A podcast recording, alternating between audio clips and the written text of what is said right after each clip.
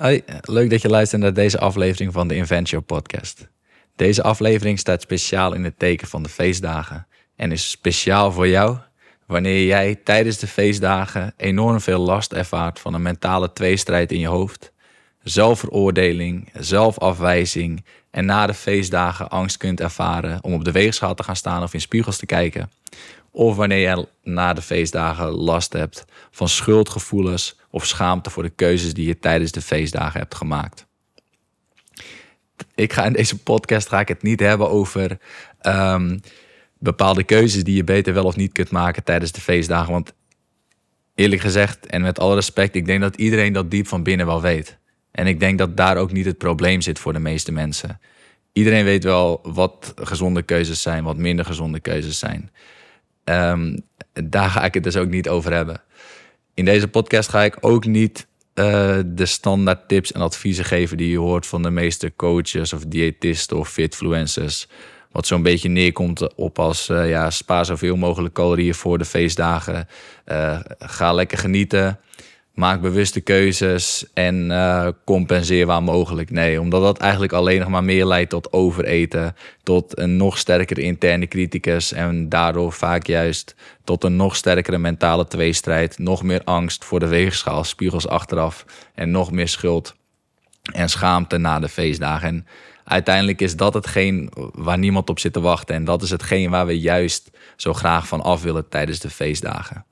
En de meeste mensen of die bezig zijn met afvallen en of bezig zijn met uh, hun lichaam, met hun fysiek, bodybuilders bijvoorbeeld, of andere mensen die serieus bezig zijn met hun uh, spiermassa, spiergroei, die kunnen veel problemen ervaren rond de feestdagen met uh, de festiviteiten die dan op de planning staan.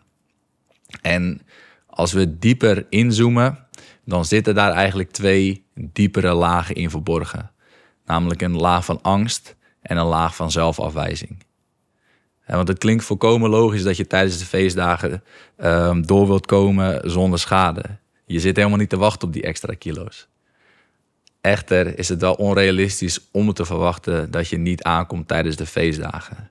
En is het uh, ook een onrealistisch streven om de schade obsessief te willen beperken. En die schade willen beperken, of dat onrealistische, die onrealistische verwachting om aan te komen, die zijn vaak gebaseerd op een angst voor afwijzing. Een angst dat iemand in jouw omgeving een negatief oordeel zou vellen over jouw fysiek of voor jou als persoon. En het zit in onze natuur om onprettige emoties als angst en afwijzing uit de weg te gaan. Vandaar dat mensen bezig zijn met de vraag hoe ze de feestdagen door kunnen komen um, en de schade zoveel mogelijk kunnen beperken. En vandaar ook dat de eerder genoemde adviezen van coaches, fitfluencers, eh, diëtisten om de calorieën zoveel mogelijk te besparen in de dagen daarvoor, bewuste keuzes te maken, lekker te genieten en te compenseren waar mogelijk. Waar, uh, die, die aanbevelingen worden ook heel vaak opgevolgd vanuit dat streven om die schade te beperken. En het, het is ook logisch, want het geeft ons een gevoel van controle en de indruk dat we onprettige emoties kunnen vermijden. En de intentie om onprettige emoties te vermijden en de sterke drang naar onzekerheid, of de sterke drang naar controle en zekerheid, komen vanuit onze geest.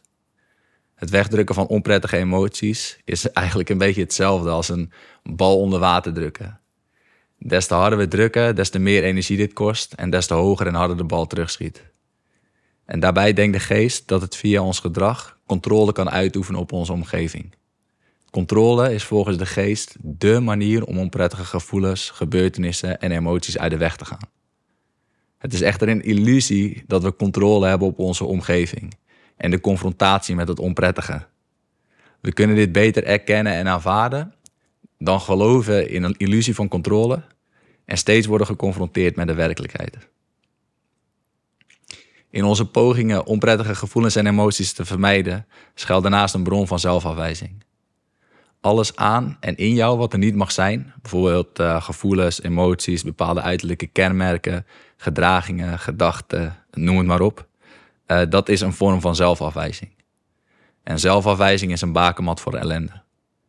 De delen die we in onszelf afwijzen gaan namelijk linksom of rechtsom op andere manieren om aandacht vragen. Vaak in de vorm van destructief gedrag.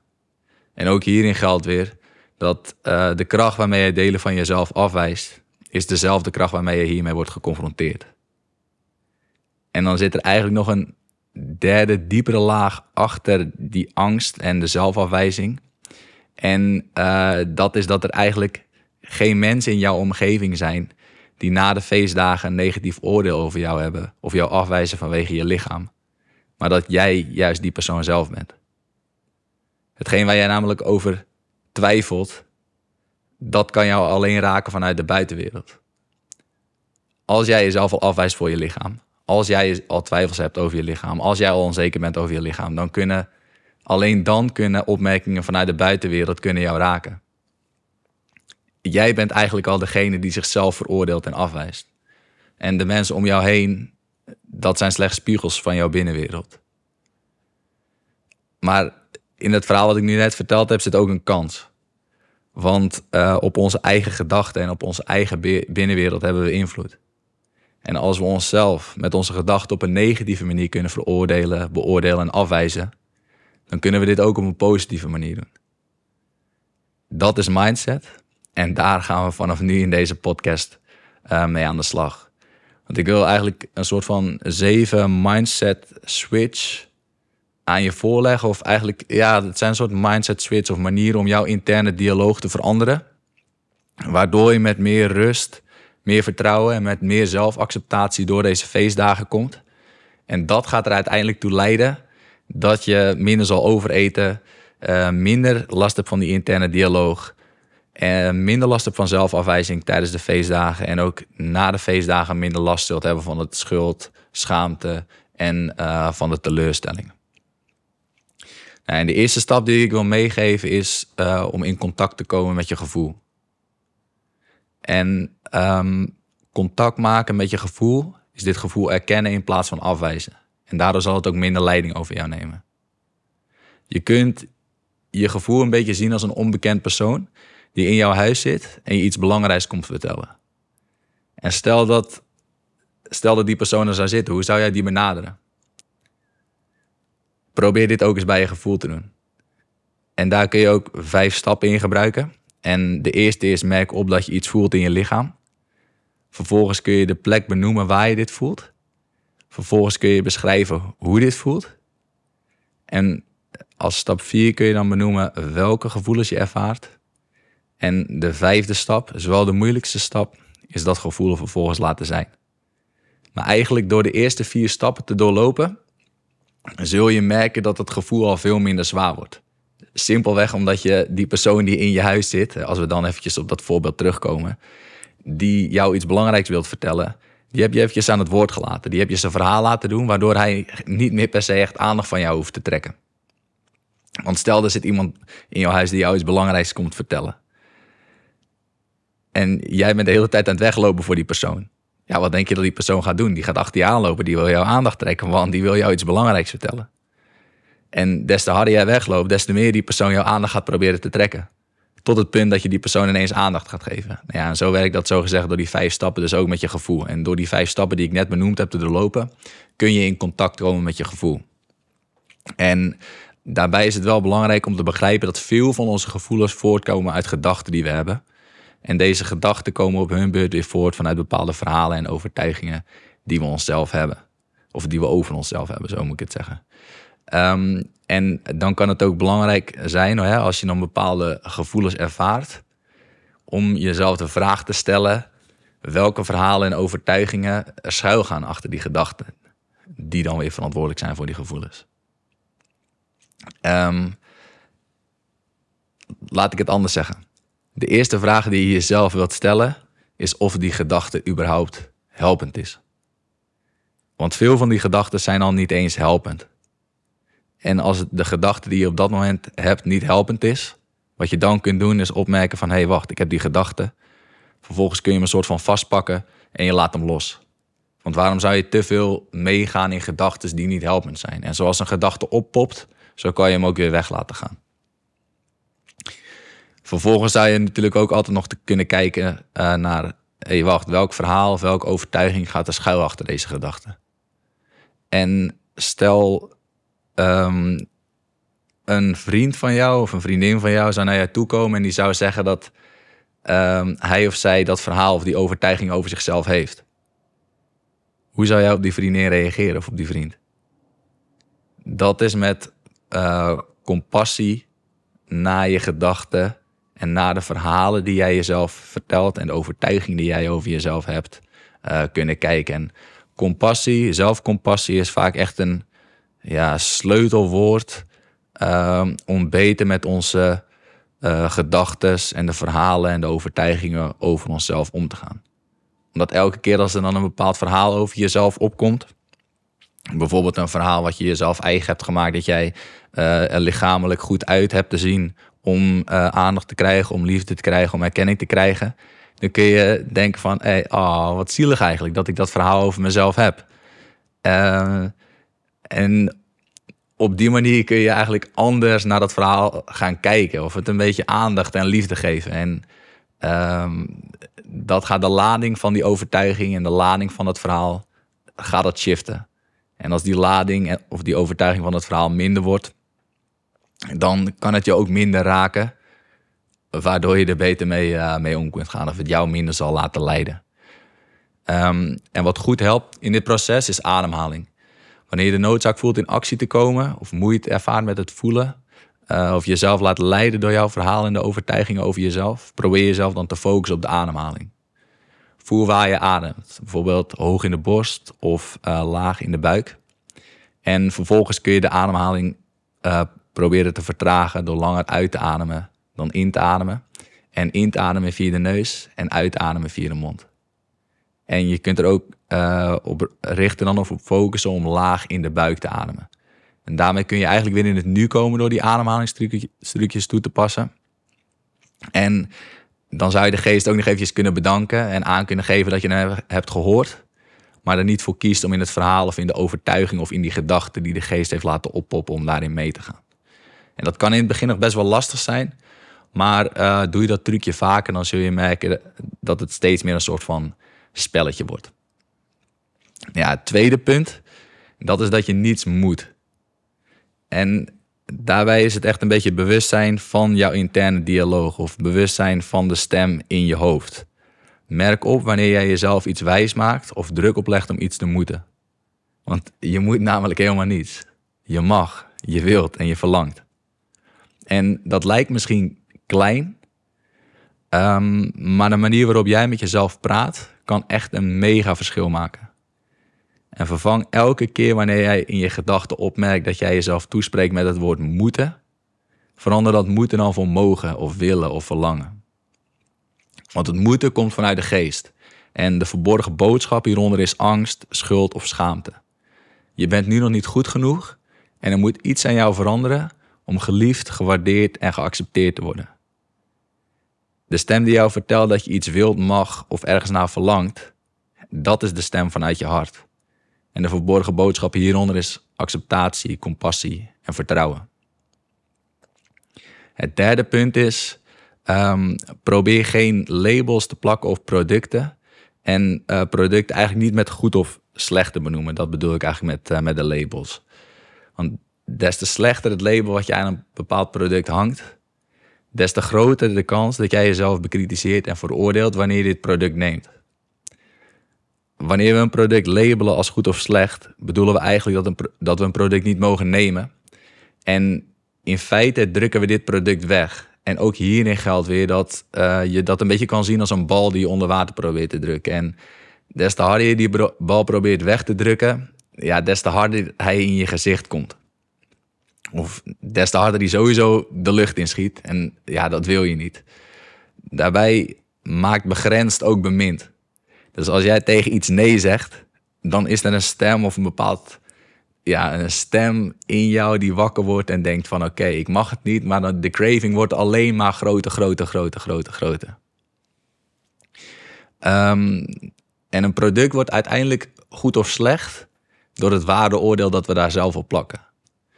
Kijk, iemand die bijvoorbeeld, en dat is misschien een, vaag voorbeeld, maar gewoon om het duidelijk te maken voor je. Iemand die wil aankomen, ja, die zal uh, ijs als zijn beste vriend zien. Terwijl iemand die wil afvallen, ja, die denkt van, poh, dat ijs uh, is toch niet de allerbeste keuze. En zo zie je dat de context bepaalt het verhaal waar we in zitten. Het product zelf is niet per se goed of slecht. Het is gewoon het verhaal wat we zelf om dat product gecreëerd hebben. Dat maakt het goed of slecht. Dus probeer voor jezelf um, oordeelloos te zijn over producten. En sta jezelf toe om van alles te nemen. Wat ons ook direct op het vierde punt neemt. Want je mag namelijk alles nemen. En hierin maakt ook de manier waarop jij tegen jezelf praat een enorm verschil. Jezelf dingen of bepaalde hoeveelheden verbieden is een bestraffende benadering uh, van jezelf. En um, dat bestraffen is eigenlijk altijd gebaseerd op angst, schaamte en schuld. Het jezelf toestaan om bepaalde dingen te mogen nemen is een benadering vanuit vrijheid, met vertrouwen, compassie en acceptatie. En daarin wil ik wel een um, belangrijke nuance aanbrengen. En dat je daadwerkelijk alles mag nemen, betekent ook niet dat je alles daadwerkelijk hoeft te nemen. Je hebt nog altijd zelf de keuze om iets wel of niet te doen. Maar zelf de keuze hebben impliceert in ieder geval wel vrije wil. In tegenstelling tot wanneer je jezelf op voorhand al bepaalde dingen verbiedt. En door jezelf dingen te verbieden, veroordeel je en wijs je één of meerdere dingen in jezelf af. Je zegt bijvoorbeeld tegen jezelf: als ik dit of dat neem, dan kom ik aan en word ik puntje, puntje, puntje, puntje. Nou, vul zelf in op de puntjes wat je tegen jezelf zou kunnen zeggen in zo'n moment. Oordeelloos zijn en jezelf toestaan alles te nemen, maar bewust keuzes maken, dat betekent jezelf volledig accepteren voor wie je bent. En ook hierin geldt weer begrens maakt bemind. Alles wat we niet mogen, wordt extra interessant. Wat het lastig maakt om nee te blijven zeggen. En vroeg of laat ga je die strijd verliezen, wat juist leidt tot overnemen. Of overeten, sorry. Dus ja, sta jezelf toe om alles te nemen. Maar dat betekent niet dat je dan maar alles in lijpe hoeveelheden hoeft te nemen.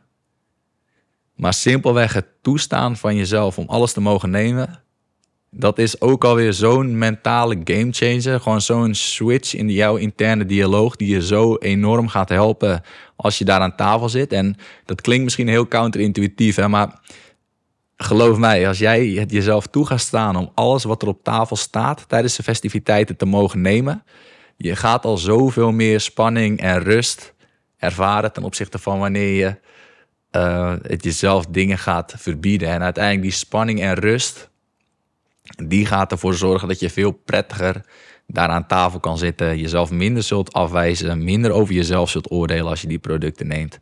En um, nou ja, daarmee help je jezelf gewoon echt enorm erg om een veel prettigere kerst en veel prettigere kerstfestiviteiten te ervaren. En dan komen we eigenlijk direct al een beetje richting punt 5 en dat is oordeel en veroordeel jezelf niet. Oordeel en veroordeel jezelf niet over de keuzes die je hebt gemaakt. Heb je wat meer gegeten dan gepland? Heb je producten genomen die je heel stiekem toch nog een beetje als slecht had gelabeld? Heb je keuzes gemaakt waar je toch niet helemaal trots op bent? Geef niet, mag best, zou Johan Geurt zeggen. Oordeel en veroordeel jezelf niet en de keuze die je hebt gemaakt. Merk op wanneer je een oordeel hebt en laat het los. Dat is echt de key. Het loslaten van oordelen over jezelf, over producten, over mensen om je heen. You name it, you name it, you name it. Kom in een oordeelloze staat. Punt 6 is verplicht jezelf niet te compenseren voor of na de feestdagen. Door jezelf verplichten te compenseren, schiet je in het moeten en in de veroordeling. Daarnaast maak je het jezelf onnodig lastig. Je vergroot namelijk de kans op overeten door voor of na de feestdagen te compenseren. Compenseren voor de feestdagen vergroot de hunkering naar lekker eten. En compenseren na de feestdagen, of de ambitie hebben om te compenseren na de feestdagen, vergroot de kans op een alles of niet mindset. Je brein denkt dan namelijk tijdens het eten, tijdens de festiviteiten, poh, nu is mijn kans. Nu moet ik er echt van genieten, want straks moet ik echt gewoon een week droog crackers eten of uh, aan de tonijn met droge, droge meuk in ieder geval. Dus jouw brein die heeft zoiets van, poh, nu zitten we hier met al het lekkers voor ons. We moeten het nog nemen. En die strijd ga je verliezen. Prima om jezelf aan jouw standaardkeuzes, calorieën of voedingsplan te houden voor, tijdens en na de feestdagen. Prima om bewust keuzes te maken. Maar het is niet prima om in het web van moeten, labels, het verbieden van producten en de zelfveroordeling te belanden. Verplicht het jezelf niet om extra te compenseren voor of na de feestdagen. Don't do it. um, punt 7, en dat is ook direct het laatste punt. Ga in gesprek met naasten over je gevoelens, je angsten, je pijnen. En spreek bijvoorbeeld uit hè, dat je met spanning naar de feestdagen kijkt. Of dat je jezelf aan het veroordelen bent tijdens festiviteiten. Spreek uit dat je angst hebt om na de feestdagen op de weegschaal te gaan staan. Spreek jezelf uit.